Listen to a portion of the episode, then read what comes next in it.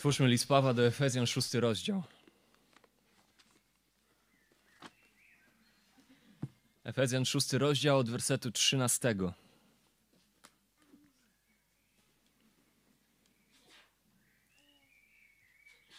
Dlatego weźcie całą zbroję Bożą, abyście mogli stawić opór w dniu złym i dokonawszy wszystkiego ostać się.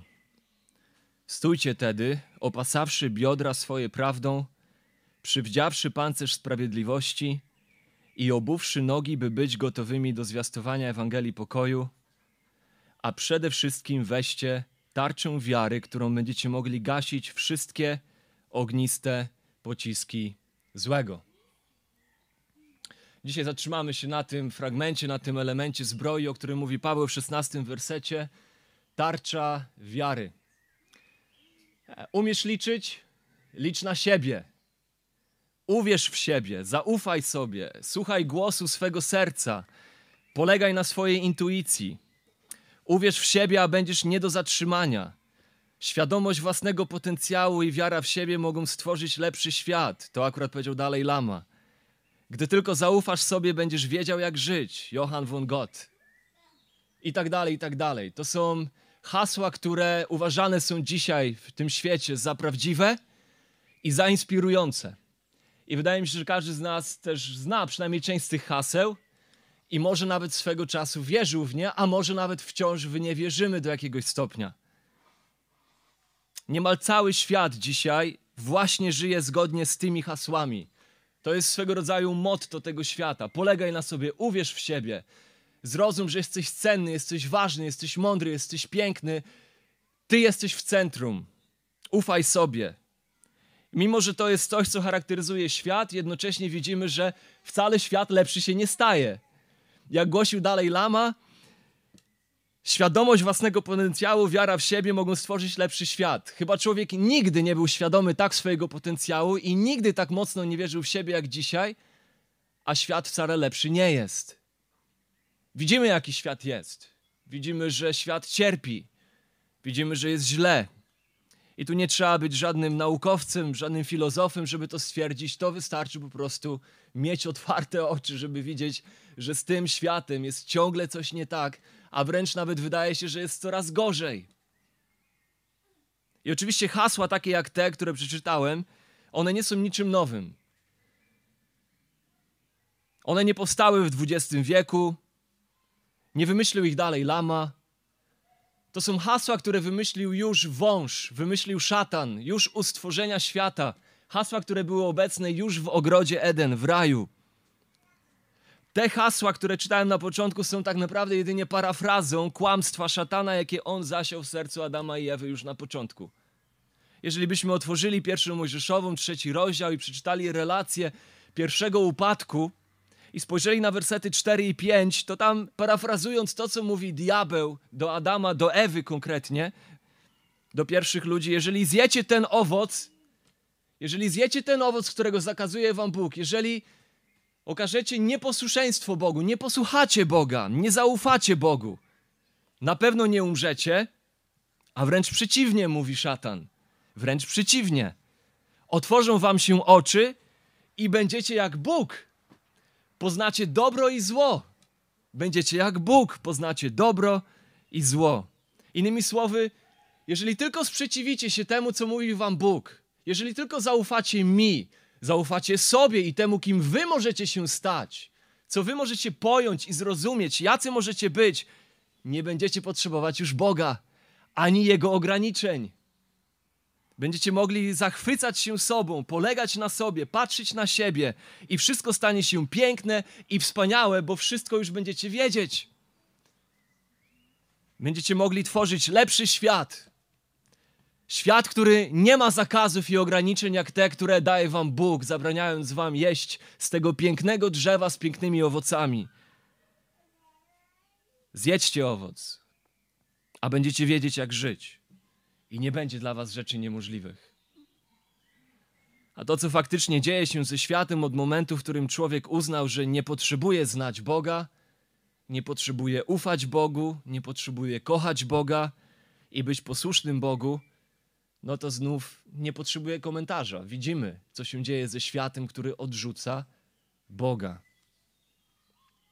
Co więcej, to skupienie się na tym, co ludzkie, skupienie na człowieku, aniżeli na Bogu, skupienie na mądrości ludzkiej, na tym, co człowiek wie w swojej inteligencji, jego rozeznanie między tym, co jest dobre, a co jest złe. Więc skupienie na tym, co ludzkie, aniżeli na tym, co boskie, jest widoczne nie tylko w świecie, który odrzuca Boga, ale niestety jest widoczne też i w chrześcijaństwie. Chrześcijaństwie, które jest bardzo często centralizowane właśnie na nas, centralizowane na człowieku, a nie na Bogu i na Jego Słowie. I nie trudno dziś usłyszeć opinię także pośród chrześcijan.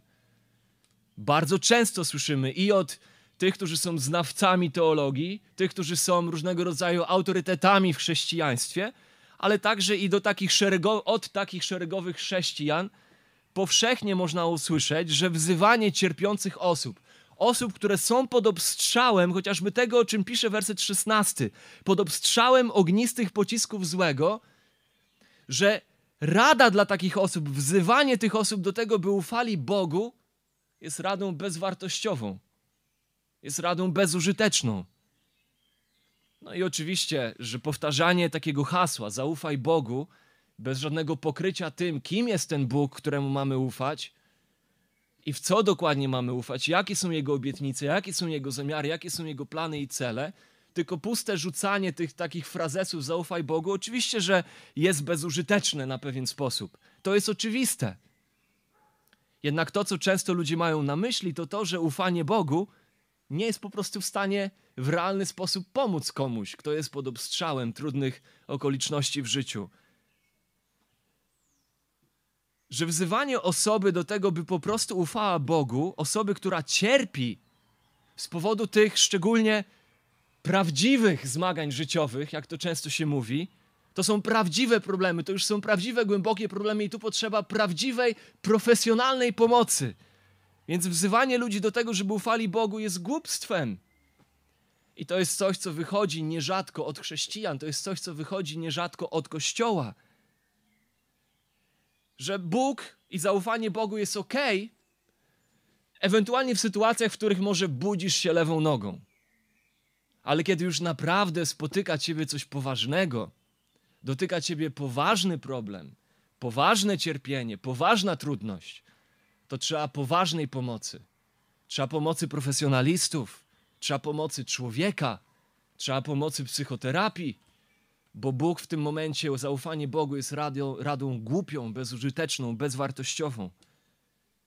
I oczywiście nie negujemy faktu, iż Bóg działa w tym świecie przez powszechną łaskę, błogosławiąc, po prostu błogosławiąc życie człowieka na ziemi, między innymi pozwalając człowiekowi na przeróżne odkrycia polepszające jakość życia człowieka na ziemi, jak na przykład Bóg pozwala człowiekowi na odkrycia medycyny w kwestii dokonywania przeszczepów, czy też pozwala człowiekowi na odkrycia medycyny nawet w leczeniu pewnych emocjonalnych problemów, które wynikają z klinicznych przypadków zaburzeń gospodarki hormonalnej itd., tak itd. Tak Oczywiście nie negujemy tego, że Bóg działa swoją powszechną łaską, pozwalając człowiekowi odkrywać rzeczy w tym świecie, o których Bóg nie mówi wprost w swoim słowie, rzeczy, które polepszają jakość życia człowieka na ziemi. W tych sferach, w których Biblia szczególnie informacji nie udziela i odpowiedzi nie daje, gdzie to możemy powiedzieć, że zdobywanie, odkrywanie nowych informacji, odpowiedzi leży po prostu w kwestii tego, o czym Biblia mówi, jako panowanie człowieka na ziemi i czynienia jej poddaną. Więc człowiek został postawiony na świecie, żeby panować nad ziemią i czynić ją poddaną. I w rezultacie panowania na ziemi i czynienia ją poddaną odkrywa pewne rzeczy, o których Biblia wprost nie mówi, które są elementem czynienia tej ziemi poddaną i są pomocne dla człowieka w podniesieniu jakości jego życia na tejże ziemi w korzystaniu z niej, w korzystaniu z praw, które Bóg dał tej ziemi, praw fizyki, praw chemii. I tak na przykład Biblia oczywiście nie jest podręcznikiem mechaniki, nie mówi nam, jak budować pojazdy, jak budować samochody, jak naprawiać urządzenia. Biblia nie jest podręcznikiem chemii, nie jest podręcznikiem astronomii, czy też nie jest podręcznikiem medycyny. Problem jednak z na przykład psychoterapią, jest taki, że psychoterapia dotyka tematów, które leżą w centrum tego, o czym mówi Biblia. Że ona dotyka tematów, które są w centrum tego, o czym mówi Bóg. Że ona wchodzi w jurysdykcję Bożą. Bóg bardzo wyraźnie wypowiedział się na temat istoty człowieka, problemu człowieka i procesu zmiany człowieka w jego problemach. Problem więc z kierowaniem uwagi ludzkiej od Boga na człowieka i na jego rady, na to, by ufał człowiekowi, temu, który jest profesjonalistą w zrozumieniu problemów duszy, jest taki, że w swej definicji takie, takie spojrzenie, taki pogląd, taka postawa próbuje udzielać odpowiedzi na pytania, na które Bóg odpowiedzi już udzielił. I kiedy spojrzymy na chociażby na psychoterapię, to ona się skupia na próbie udzielenia odpowiedzi na trzy kluczowe pytania. Kim jest człowiek? Co stanowi istotę ludzkiej natury? Kim jest człowiek? Co stanowi o tym, kim jest człowiek? Z czego on jest zbudowany? Co stanowi istotę jego natury, to kim on jest? Po drugie, próbuje odpowiedzieć na pytanie, jakie jest źródło problemów człowieka, z którymi się zmaga.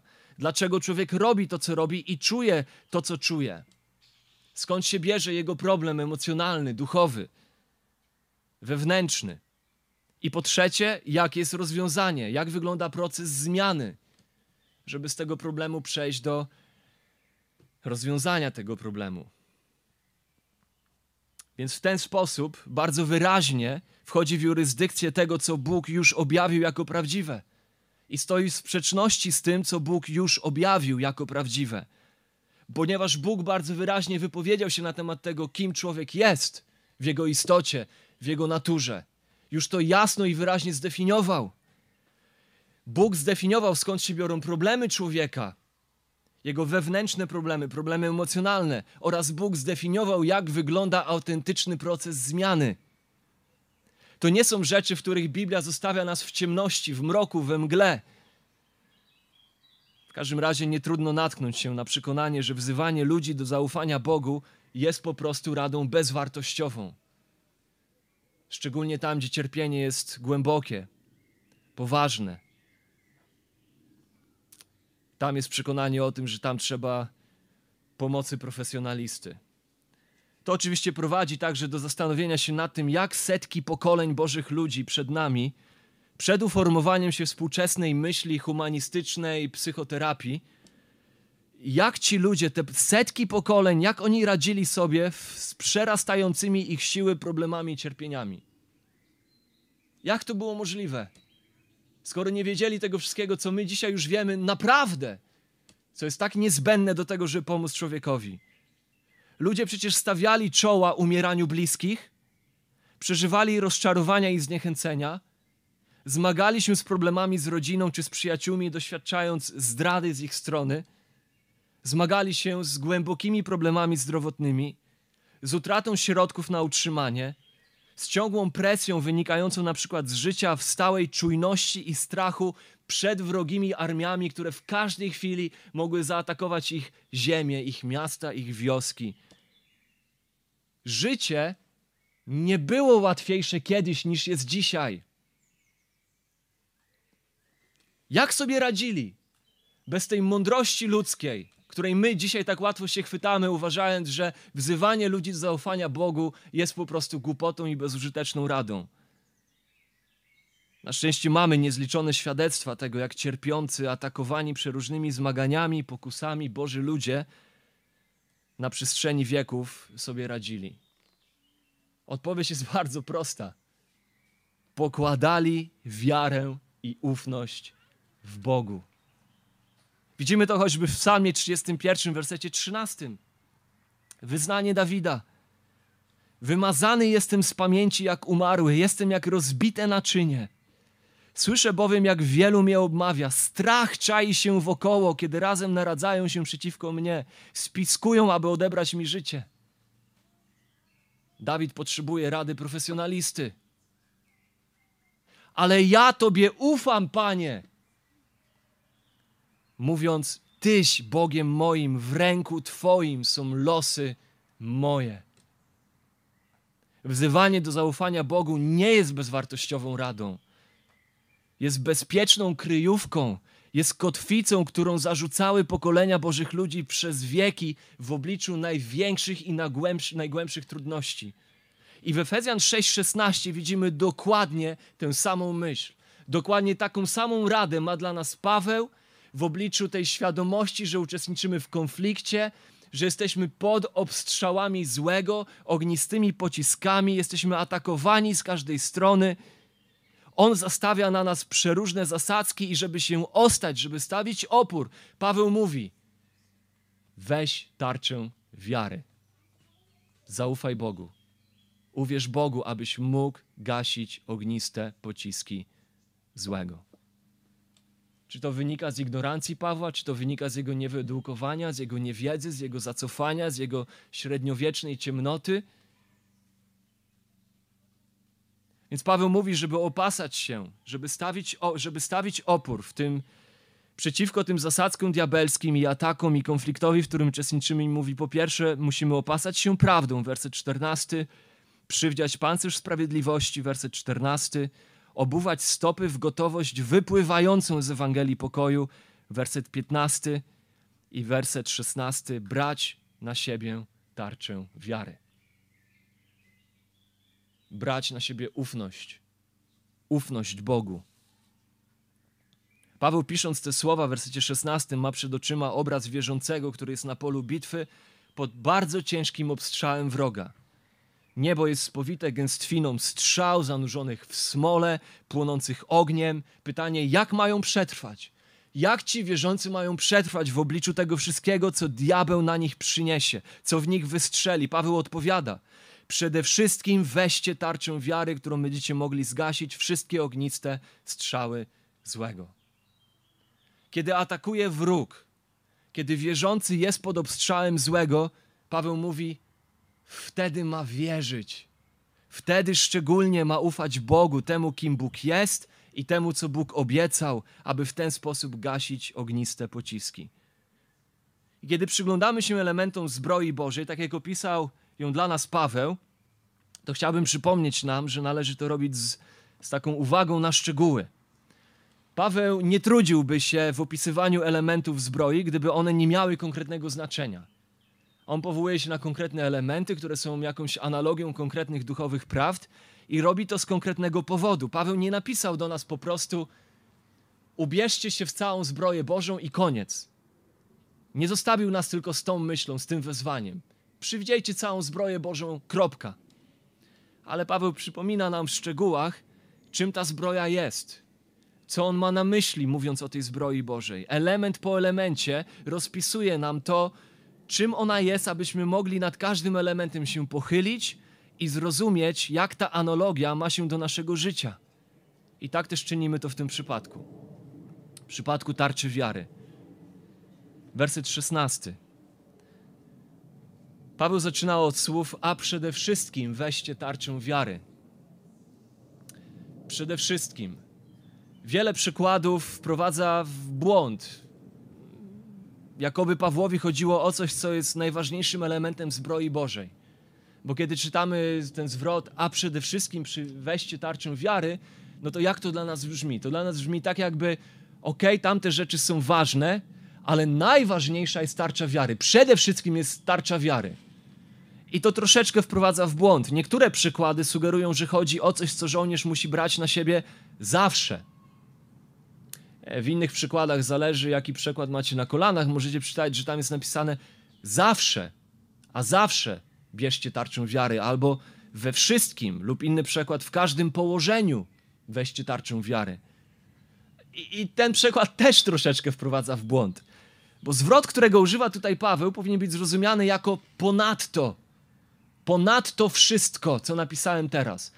Ponadto, co wymieniłem wcześniej, czyli pas prawdy, pancerz sprawiedliwości, nogi obute w gotowość Ewangelii, no to ponad to wszystko, co już powiedziałem, jeszcze są trzy kolejne elementy, które są tak samo ważne, tak samo istotne. I zamierzam Wam o nich powiedzieć. To jest tarcza wiary, to jest hełm zbawienia i to jest miecz ducha. W dodatku do tych trzech elementów, które wspominam, należy dołożyć kolejne trzy. I tak też powinien być zrozumiany ten zwrot. Takie on też ma znaczenie, więc kiedy, jeżeli tam macie, a przede wszystkim weźcie tarczę wiary, można sobie dopisać tam, a ponad to wszystko. Żeby na przyszłość nie myśleć, że w jaki sposób tarcza wiary jest w centrum chrześcijańskiej walki, chrześcijańskiego życia, jako że jest ważniejsza od wszystkiego innego, bo to się przekłada tak naprawdę na teologię i na praktykę potem chrześcijanina. Nie bez powodu wiele ruchów chrześcijańskich, wiele kościołów dzisiaj uważa, że wiara jest najważniejsza. E, w ten sposób wierzy się w wiarę. E, do tego stopnia stawia się w centrum wiarę, że tak naprawdę to nie chodzi o to, żeby wierzyć w Boga, jak o to, żeby wierzyć w wiarę i mieć jak najwięcej wiary i generować jak najmocniejszą wiarę, bo to tak naprawdę sukces zależy od Twojej wiary, od wielkości tej wiary, od siły tej wiary, co Ty wygenerujesz, co Ty w sobie znajdziesz, co Ty w sobie wytworzysz. No bo przede wszystkim trzeba brać tarczę wiary, no to jest przede wszystkim. No więc Paweł nie mówi tutaj o ważności, tylko mówi tutaj o tym, że ponad to wszystko, co powiedziałem do tej pory, ważne są jeszcze kolejne trzy elementy. I nie bez powodu Paweł wprowadza do tych trzech kolejnych elementów, jakoby do odrębnej kategorii. Robi tą pauzę, robi ten przerywnik w wersecie 16. A ponad to wszystko chcę powiedzieć Wam o tych trzech elementach. I pierwszym szczegółem na to, że tutaj mamy do czynienia z jakby z nową kategorią elementów zbroi Bożej, jest ten zwrot ponad to wszystko. A drugim szczegółem wskazującym na to, że Paweł zaczyna dotykać jakby nowej kategorii zbroi Bożej, jest to, jakiego imię słowu używa w odniesieniu do nich, jakiego czasownika, jakiego, jaki, do jakiej czynności się zwraca. Bo zauważcie, że mówi od wersetu 16: weźcie albo wziąwszy tarczę wiary. Tak jak pierwsze trzy elementy niejako są elementami, które żołnierz ma na sobie, ma przy sobie, one są przy jego ciele, one są przymocowane do niego. To trzy kolejne elementy, o których będzie pisał Paweł, tarcza, przyłbica i miecz, są elementami, które, po które żołnierz sięga i które bierze na siebie i łatwo też je odkłada na bok. To są elementy takie, można powiedzieć, które są mobilne. Raz je ma, raz je odkłada. Nie ma ich na stałe przy sobie. Nie są częścią jego. I w ten sposób mamy tutaj do czynienia z swego rodzaju inną kategorią elementów zbroi Bożej. Pas, pancerz, buty. E, każdy z tych elementów, wymieniony w wersetach 14-15, one w specjalny sposób były mocowane do ciała żołnierza. One są na nim. Żołnierz nie zdejmował nigdy z siebie ani pasa, ani pancerza, ani butów. No tam w jakichś szczególnych momentach, jak najbardziej. Ale to były elementy, które były cały czas na nim. Nawet kiedy maszerował z miejsca w miejsce, kiedy nie, nie uczestniczył w bitwie, to były te trzy elementy, które zawsze były na nim. To są elementy, które są stałe. To są elementy, które są bardziej przygotowawcze do tego, żeby żołnierz w ogóle ruszył do walki. Tarcza, hełm i miecz to takie elementy zbroi, które żołnierz brał dopiero wtedy, kiedy zaczynała się akcja, kiedy zaczynał się atak, kiedy rozpoczynała się bitwa. Nie były one na stałe przymocowane. No właśnie to jest coś, co łatwo mógł wziąć i odłożyć, zależnie od potrzeby.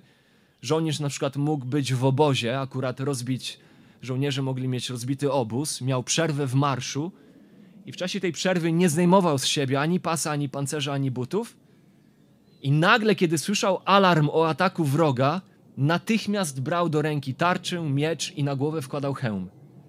Tarcza, hełm i miecz sugerowały bezpośrednie zaangażowanie w konflikt. I obraz, który Paweł ma przed oczyma, kiedy opisuje te kolejne elementy zbroi, to właśnie obraz rozgrywającej się walki. To obraz obstrzału ze strony złego, obraz rozgorzałych ataków. Więc mówi o tarczy, która ma gasić ogniste pociski. W starożytnym świecie powszechną praktyką w sztuce wojny było wstępne obstrzeliwanie przeciwnika strzałami. Może widzieliśmy to w filmach, co niektórzy może widzieli to w grach komputerowych.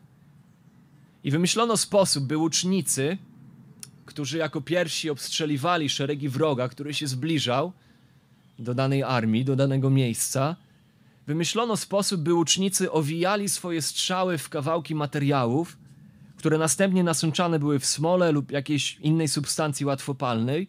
I tuż przed wystrzałem one były rozpalane, zapalane. Kiedy przeciwnik zbliżał się na odpowiednią odległość, wystrzeliwano, i to też wymagało pewnej takiej precyzji, ponieważ tych strzał płonących nie można było wystrzelić zbyt mocno, ponieważ one wtedy mogły zgasnąć, więc z odpowiednią siłą, delikatnością one musiały być wystrzelone. Te płonące strzały leciały w stronę przeciwnika, i takie strzały, wbijając się w swój cel, rozpryskiwały się dodatkowo ogniem i rozpalały wszystko dookoła. Kiedy taka strzała trafiała w żołnierza, to stawał on się żywą pochodnią. Polewanie takiego rozpalonego obiektu czy żołnierza wodą wręcz wzmagało żar tego ognia. Jedyny sposób, w jaki można było ugasić, to poprzez posypanie piachem, kurzem, przykrycie tego ognia. No w każdym razie żołnierz trafiony płonącą strzałą płonął i nie miał on szans na ratunek. Taki obstrzał był pierwszym atakiem, był swego rodzaju przygotowaniem do ataku piechoty i konnych, takiej cięższej artylerii później. I Rzymianie znaleźli sposób na obronę przed takimi obstrzałami, śmiertelnymi obstrzałami, ognistymi pociskami. Znaleźli sposób na gaszenie tych pocisków. Sposobem tym była rzymska tarcza. W starożytnym świecie istniały przynajmniej dziesiątki różnych rodzajów tarcz. Niektóre były małe, niektóre były duże, niektóre były okrągłe, jak te, jakie może znamy z walk gladiatorów, niektóre były większe. Tarcza, do jakiej odnosi się tutaj Paweł w języku greckim, to nie mała okrągła tarcza, którą możemy kojarzyć z różnych tam miejsc, do walki wręcz używana, taka łatwa w uniesieniu, lekka, ale tarcza, o którą ma na myśli tutaj Paweł, to ogromna rzymska tarcza o wymiarach mniej więcej 1,20 m na 0,8 Tarcza, która przypominała skrzydło drzwi, zrobiona z dwóch sklejonych ze sobą litych kawałków drewna. Nie, nie bok do boku, ale lico do lica. Dwa lite kawałki drewna sklejone ze sobą, obite dookoła żelazną ramą. Po środku tej tarczy znajdowało się żelazne umbo. Umbo, czyli taki okrągły, metalowy, żelazny okrąg, który miał za zadanie odbijać, strącać rzucane w tarczę kamienie, dzidy i tak dalej. Tarcza ta, co ciekawe, była z wierzchu pokryta skórą, która skutecznie zapobiegała właśnie zapłonowi tarczy. Historyk Tukidydes, starożytny historyk, opisuje, jak starożytne miasto pokryło całe swoje drewniane mury właśnie skórami, aby ochronić się przed obstrzałami płonących strzał wroga. Podobnie też Józef Flawiusz, kolejny starożytny historyk, opisuje, jak użyto świeżych skór zwierzęcych, żeby ochronić drewniane mury podczas wojny żydowskiej, tak że strzały ześlizgiwały się po skórach, a ogień ze strzał się rozprzestrzeniający gasł od wilgoci, która była w skórach. I taką samą funkcję spełniały skóry, którymi pokrywano tarcze rzymskie, te duże tarcze rzymskie. Aby uniknąć gradu pocisków, żołnierz kucał, zakrywał się taką tarczą, całe swoje ciało zakrywał taką tarczą, czekał, aż wyczerpały się strzały wroga, i wtedy armia ruszała do walki wręcz. To jest obraz, który stoi za tą analogią. To jest obraz, który Paweł ma na myśli, kiedy mówi o tym, że wierzący mają brać na siebie tarczę wiary, by gasić pociski, ogniste pociski złego. I tym, który strzela w chrześcijanina, nie są Rzymianie, nie jest żaden ludzki przeciwnik, ale widzimy, że tym, który strzela w chrześcijanina, jest ten, który jest zły. To są pociski złego. Jest to odniesienie do diabła. I chociaż wierzący w Efezie zapewne doświadczali wiele zła ze strony władzy, czy też ze strony pogan, wiemy to z kontekstu opisanego nam w dziejach apostolskich, jakie przeciwieństwa, jakich przeciwników mieli chrześcijanie w Efezie. W Koryntian Paweł odnosi się do przeciwników efeskich jak do dzikich bestii, więc możemy spodziewać się, że chrześcijanie tam doświadczali wiele wrogości i wiele ataków ze strony po prostu ludzi, pogan, niewierzących, władzy efeskiej. A mimo to Paweł przypomina wierzącym w Efezie, że za wszelkim złem stoi inny wróg. Ostateczny wróg, ostateczny przeciwnik. To jest kolejne przypomnienie, że bój toczymy nie z krwią i z ciałem, o czym Paweł napisał w wersecie 12, ale z siłami duchowymi. Innymi słowy, nie walczymy ze złem na świecie, ale walczymy ze złym, który jest na świecie. Tym samym przypomina nam, że zło to nie jest jakaś abstrakcyjna, bezosobowa rzecz, która po prostu gdzieś tam jest, jakaś negatywna energia, która unosi się w tym świecie. Że zło to nie jest jakaś tylko niekorzystna siła we wszechświecie. To nie jest jakaś obecność negatywności we wszechświecie, którą trzeba zaklinać pozytywnością. Ale przypomina nam, że jest to realna zła osoba, postać, o której mówi Jan w 1 Jana 5:19, w której mocy leży cały świat. Mamy do czynienia z realną osobą, z osobową siłą. To jest ten, który od początku przychodzi z kłamstwem, że z Bogiem jest coś nie tak. Przychodzi z kłamstwem, że Bogu nie warto ufać, że na Bogu nie warto polegać. Czemu on zabrania wam tego jednego owocu? Przez to, że zabrania, czy na pewno jest dobry? Zobaczcie, jak ten owoc jest piękny dla oczu, jak smaczny dla kubków smakowych, jak pożądany dla zdobycia mądrości. Czyż Bóg nie zabrania wam czegoś pięknego i czegoś dobrego, czegoś, co naprawdę uczyniłoby was szczęśliwymi? I Paweł pisze, że ten zły będzie aktywny w atakowaniu wierzącego ognistymi pociskami. Możemy być pewni jego obstrzału. Co to są te ogniste pociski? No, ten obstrzał może być przeróżnego rodzaju uwodzącymi pokusami chrześcijanina. Mówiliśmy o tym już w poprzednich tygodniach. Wszystko, czym diabeł będzie kusił chrześcijanina. A co Biblia mówi o różnych rzeczach, takich jak wszeteczeństwa, cudzołóstwa, niemoralność seksualna, żądza, nienawiść, zazdrość, zawiść, złość, pycha, zwątpienia, strach, desperacja, pożądliwość, nieuczciwość, materializm, chciwość i wszystkim innym, co jest grzechem. Te pociski będą nieustannie pochodzić z panującego w tym świecie systemu, z kultury i jej wartości, kultury, która nas otacza i jej wartości, a ich celem nigdy nie jest przynieść błogosławieństwo, ich celem jest obiecywać błogosławieństwo, ale nigdy błogosławieństwa nie przynoszą, lecz przynoszą zniszczenie. Innym rodzajem pocisków złego będą po prostu cierpienia w postaci przeciwników wiary, w postaci prześladowań, w postaci szykanowań itd., tak itd. Tak I często celem tych cierpień będzie wywołanie strachu, wywołanie paniki, wywołanie głębokiego, paraliżującego smutku. Jak widzimy sugestie tego chociażby w Filipian 1, 27, 28. Paweł tam wzywa wierzących w Filipi, niech życie wasze będzie godne Ewangelii Chrystusowej, abym czy przyjdę i ujrzę was, czy będę nieobecny, abym słyszał o was, że stoicie w jednym duchu, jednomyślnie walcząc z połem za wiarę Ewangelii i w niczym nie dając się zastraszyć przeciwnikom. Paweł rozumiał, że właśnie przeciwnicy i przeciwności i cierpienie, które pochodzi z przeciwności ze strony przeciwników, ma skłonność paraliżować nas strachem, niepokojem. Ci wrogowie i wrogość tych wrogów, a i okoliczności różnych sprawią, że możemy się obawiać, że coś stracimy. Czy stracę swoją pozycję, czy stracę swoją pracę, czy stracę środki, a może nawet stracę rodzinę. Możemy być pewni, że będziemy zatrwożeni jako chrześcijanie Możemy się spodziewać tego, że będziemy zatrwożeni o swoje rodziny, o naszych przyjaciół, o nasz Kościół. Słowo Boże uczy, a historia pokazuje, że chrześcijanie będą przechodzić przez okresy intensywnych prześladowań, intensywnych cierpień, intensywnych przeciwności.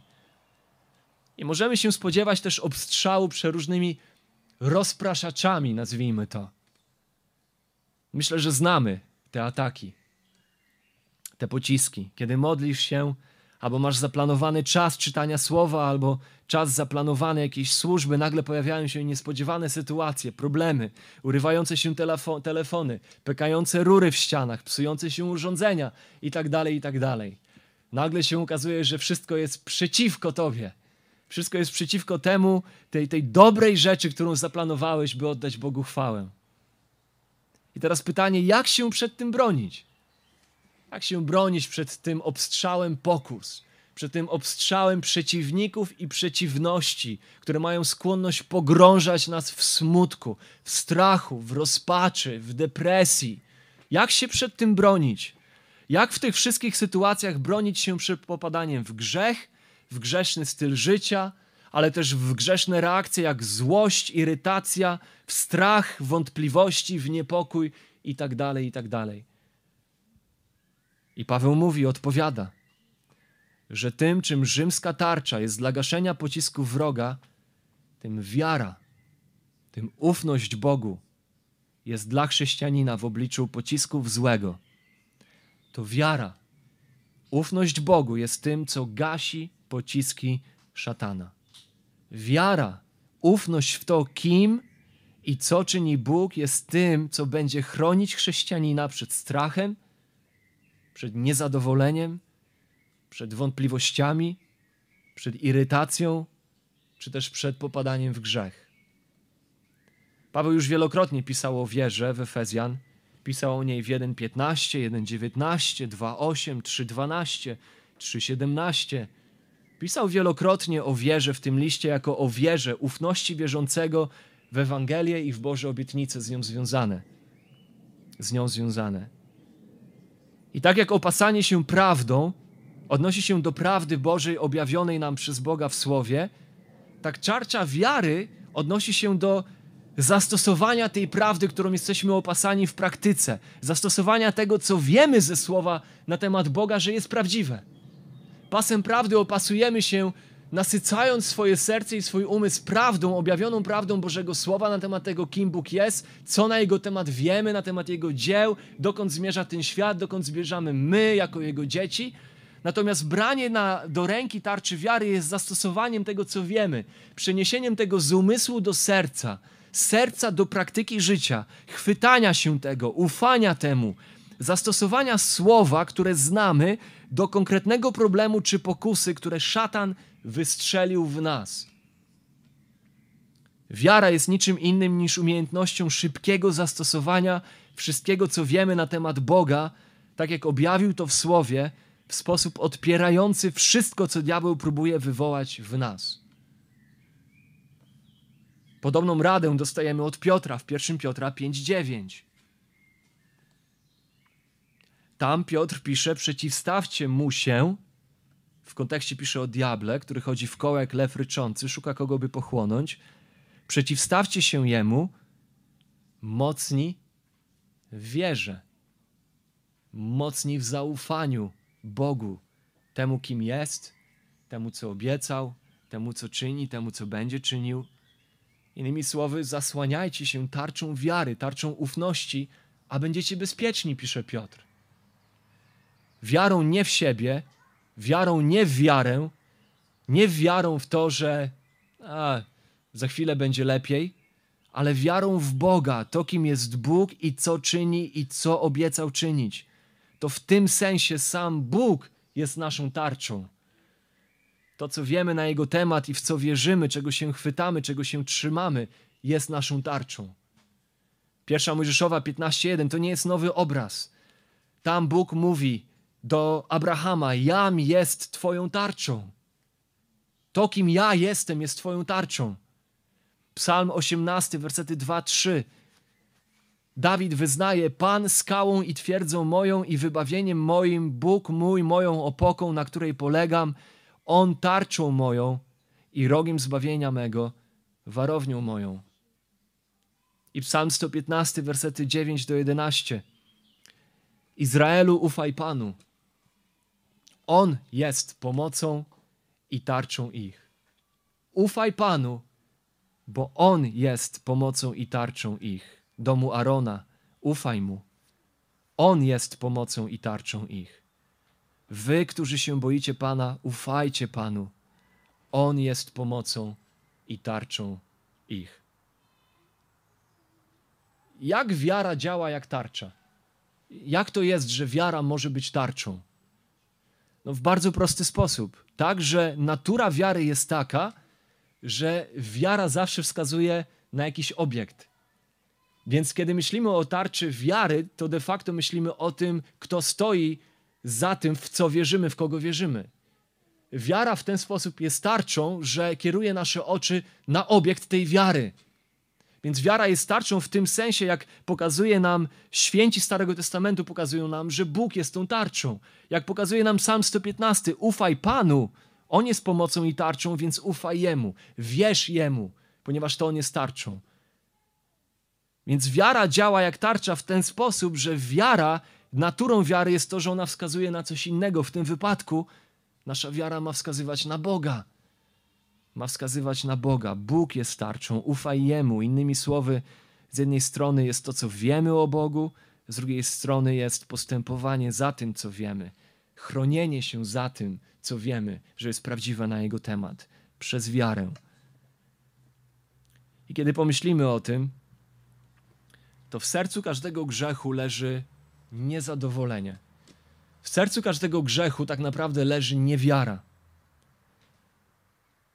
Każdy grzech w jakiś sposób zbudowany jest na kłamstwie, że poza Bogiem jest dla mnie coś lepszego.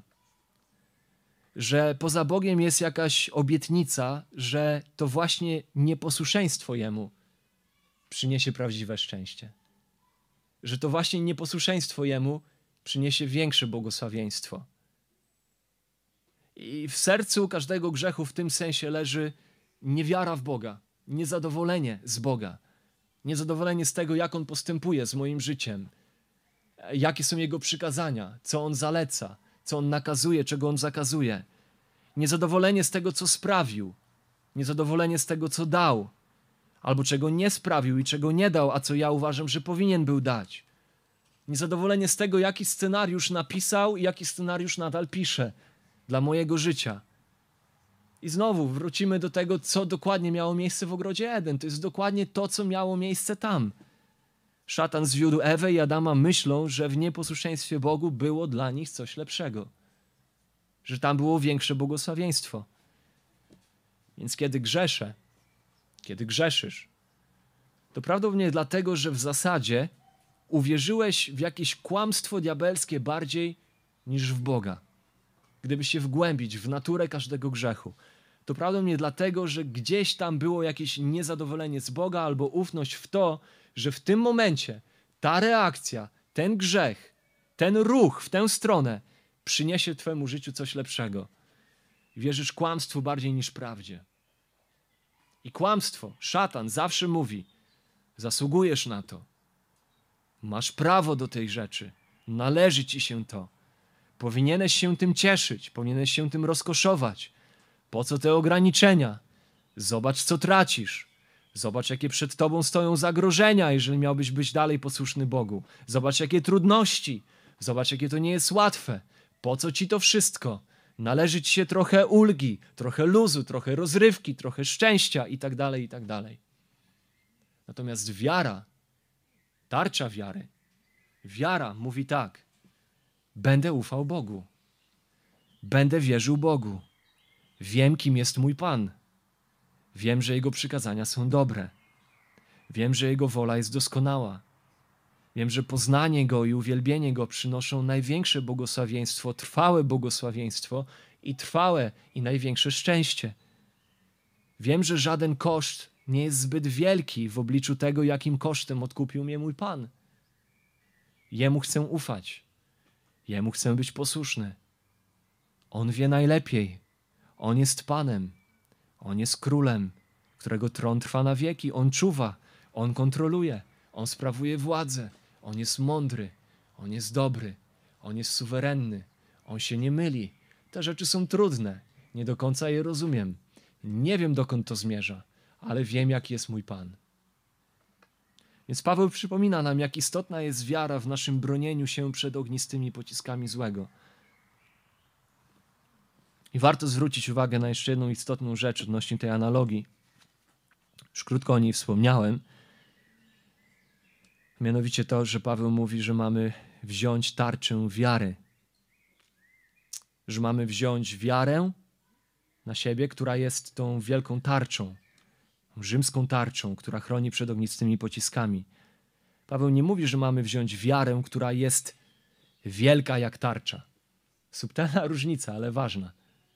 Paweł nie mówi, że mamy wziąć wiarę, która jest wielka jak rzymska tarcza, ale mamy wziąć wiarę, która jest tarczą.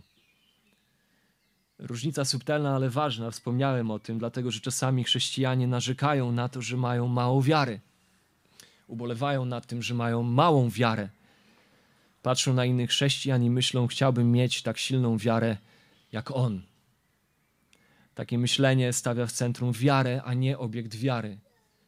Dzisiaj powszechnym jest tak zwany ruch wiary. I pseudochrześcijański ruch, który z Ewangelią biblijną niewiele ma wspólnego, który właśnie w centrum wszelkiej pobożności stawia wiarę, wiarę w wiarę, aniżeli w Boga. Im masz więcej wiary, im silniejsza jest Twoja wiara, tym większych rzeczy będziesz mógł do dokonywać. To jest taka forma New Age'u, pozytywnego myślenia, filozofii afirmacji, zaklinania rzeczywistości. Im bardziej wierzysz w pozytywne rzeczy, tym bardziej pozytywne rzeczy do siebie będziesz przyciągał, będziesz zaklinał rzeczywistość, twoje życie będzie pozytywne, będą spływać na ciebie pieniądze, zdrowie i powodzenie i pomyślność. A kluczem do tego nie jest Bóg, tylko twoja wiara, wielkość twojej wiary. Słowo Boże nas uczy, że wartość wiary, nawet już nie tylko Słowo Boże, ale w ogóle logika nas uczy, że wartość wiary nie wywodzi się z jej rozmiaru, a z jej obiektu. Wywodzi się z obiektu wiary. Wartość wiary wywodzi się z tego, na co Twoja wiara wskazuje, a nie z tego, jaka Twoja wiara jest. W Mateusza 17:20 mamy wezwanie, by mieć wiarę jak ziarnko gorczycy. Jeśli będziecie mieć wiarę jak ziarnko gorczycy, powiecie tej górze, przesuń się stąd tam, a przesunie się i nic niemożliwego nie będzie dla was. Bardzo ciekawa rzecz, że Pan Jezus, mówiąc o istocie wiary, nie przywołuje obrazu największego znanego ziarna w ówczesnym Izraelu, ale przywołuje obraz, analogię najmniejszego znanego ziarna w Izraelu. Gdyby istotą wiary był jej rozmiar, a nie obiekt tej wiary, no to oczywiście sensowne byłoby to, że Jezus by przywołał obraz jakiegoś wielkiego ziarna, by porównał, że jeżeli będziecie, im większa będzie wasza wiara, jeżeli będziecie mieli wiarę jak arbus, no to wtedy będziecie w stanie jeszcze większych rzeczy dokonywać. Natomiast już w tym wezwaniu, w tej analogii do ziarnka gorczycego, które było najmniejszym znanym ziarnem, nasionem ówczesnego Izraela, wskazuje na to, że to nie rozmiar wiary jest ważny, ale obiekt tej wiary, wiary tych, którzy poszli za nim. To jest ważne. A napomnienie o małowierni, które często się pojawia w Ewangeliach, odnosi się raczej nie do ilości wiary, ale często do trwałości wiary, niemal zawsze do trwałości wiary, a nie do jej ilości. I tak na przykład Mateusza 14:31, kiedy to Piotr wychodzi z łodzi, chodzi po wodzie i nagle zaczyna tonąć. Jezus wyciąga do niego rękę, uchwycił go i rzekł mu: O małowierny, czemu zwątpiłeś? I problemem Piotra nie było to, że jego wiara była za mała. Problemem Piotra było to, że jego wiara w tym momencie ustała.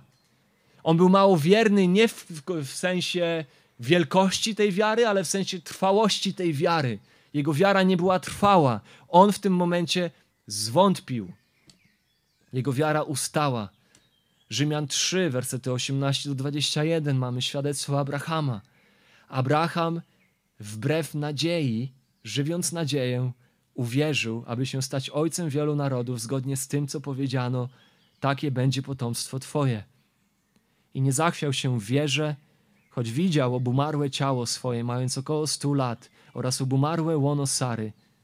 I nie zwątpił z niedowiarstwa w obietnicę Bożą, lecz wzmocniony wiarą dał chwałę Bogu, mając zupełną pewność, że cokolwiek on obiecał, ma moc i uczynić.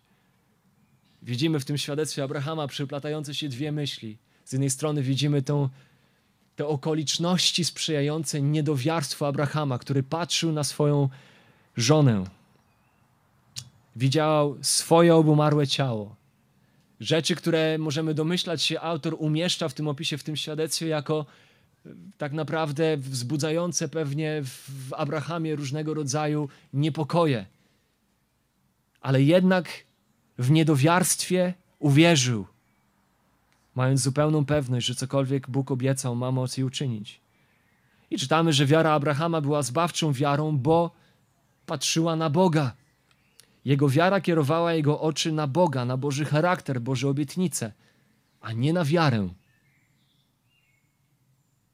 Istotą fragmentu z Rzymian 3 nie jest wiara, tylko Bóg, na którego wiara patrzy. W tym sensie nie liczy się sama wiara, jak liczy się obiekt wiary. Nie liczy się rozmiar wiary, jak ten, w którego wierzymy, któremu wierzymy. Taka ilustracja. Niektórzy boją latać się samolotem, niektórzy mniej się boją, niektórzy w ogóle się nie boją. Wyobraźmy sobie dwie osoby. Jeden ma wiarę wielkości ziarnka gorczycy, e, drugi ma wiarę wielkości arbuza, co do kwestii latania samolotem. E, ten, który ma wiarę wielkości arbuza, wiele razy już leciał samolotem, dodatkowo ukończył studia inżynierskie, mechanikę, wie jak samolot jest zbudowany, rozumie jego działanie, wie, że jest to najbezpieczniejszy sposób transportu obecnie, e, najrzadziej ulegający różnego rodzaju wypadkom. E, wsiada do samolotu z wiarą wielkości arbuza, czuje się spokojny. Efekt jego wiary będzie taki, że on doleci do miejsca, do którego ten samolot ma go zaprowadzić. Obok niego siedzi druga osoba, która ma wiarę wielkości ziarnka gorczycy. To jest osoba, która może nigdy nie dowiedziała się niczego na temat samolotów. Jej pojęcie na temat samolotów jest zbudowane bardziej na różnego rodzaju mitach, na różnego rodzaju może nawet zabobonach, po prostu na niewiedzy. Myśli, no jak taki ciężar, tyle set kilogramów może unosić się lekko w niebie. I jest w tym samolocie, trzęsą jej się nogi, ale ma wiarę, ma wiarę z tym, że jest to wiara wielkości ziarnka gorczycy. Wchodzi do tego samolotu, bo jednak tą wiarę ma. Jest ta, ta wiara jest mała, więc nogi jej się trzęsą, boi się, przeżywa różnego rodzaju obawy, niepokoje. Nic na temat samolotów nie wie, nigdy wcześniej nie leciała. Gdzieś tam naoglądała się jeszcze jakichś pro, programów o katastrofach lotniczych i jest przerażona. Jej wiara jest jak ziarnko gorczycy. Efekt będzie dokładnie ten sam, jak w przypadku osoby siedzącej obok niej, która ma wiarę arbuza obie osoby dolecą tam, gdzie samolot ma je dowieść. Oczywiście, że jakość tej wiary będzie wpływała na ich przeżywanie tego lotu. Oczywiście, że tak, w tym sensie wiadomo, że budowanie naszej wiary ma znaczenie. Ale efekt wiary, bez względu na to, czy ona jest wielka, czy ona jest mała, będzie dokładnie ten sam. Dlatego, że znaczenie ma obiekt, w którym wiarę pokładamy, a nie wiara, w którą wierzymy, a nie ilość i jakość tej wiary. Można mieć największą wiarę na świecie w to, że grawitacja nie działa i to niczego nie zmieni. Można mieć najmniejszą wiarę na świecie w grawitację i to też niczego nie zmieni. Grawitacja wciąż wykona swoje dzieło w życiu każdego człowieka, bez względu na ilość naszej wiary lub niewiary w nią. Więc oczywiście, jak w przypadku tej ilustracji, nasza wiara w jakimś tam sensie ma znaczenie w kwestii przeżywania tej podróży, przez którą Bóg nas przynosi. Natomiast skupieniem chrześcijanina nie może być przede wszystkim to, jak bardzo wierzy, tylko chrześcijaninem, skupieniem chrześcijanina musi być to, w co wierzy i czy w ogóle wierzy. Naszym celem nie może być generowanie w sobie, szukanie w sobie jakiegoś uczucia wiary, jakoby sama wiara była jakąś twórczą mocą. Skupieniem nie może być sama wiara, ale Bóg, w którego wierzymy. Tym samym wiara oczywiście będzie silniejsza, tym bardziej, im bardziej będziemy poznawać Boga. Jak w przypadku ilustracji z tym samolotem.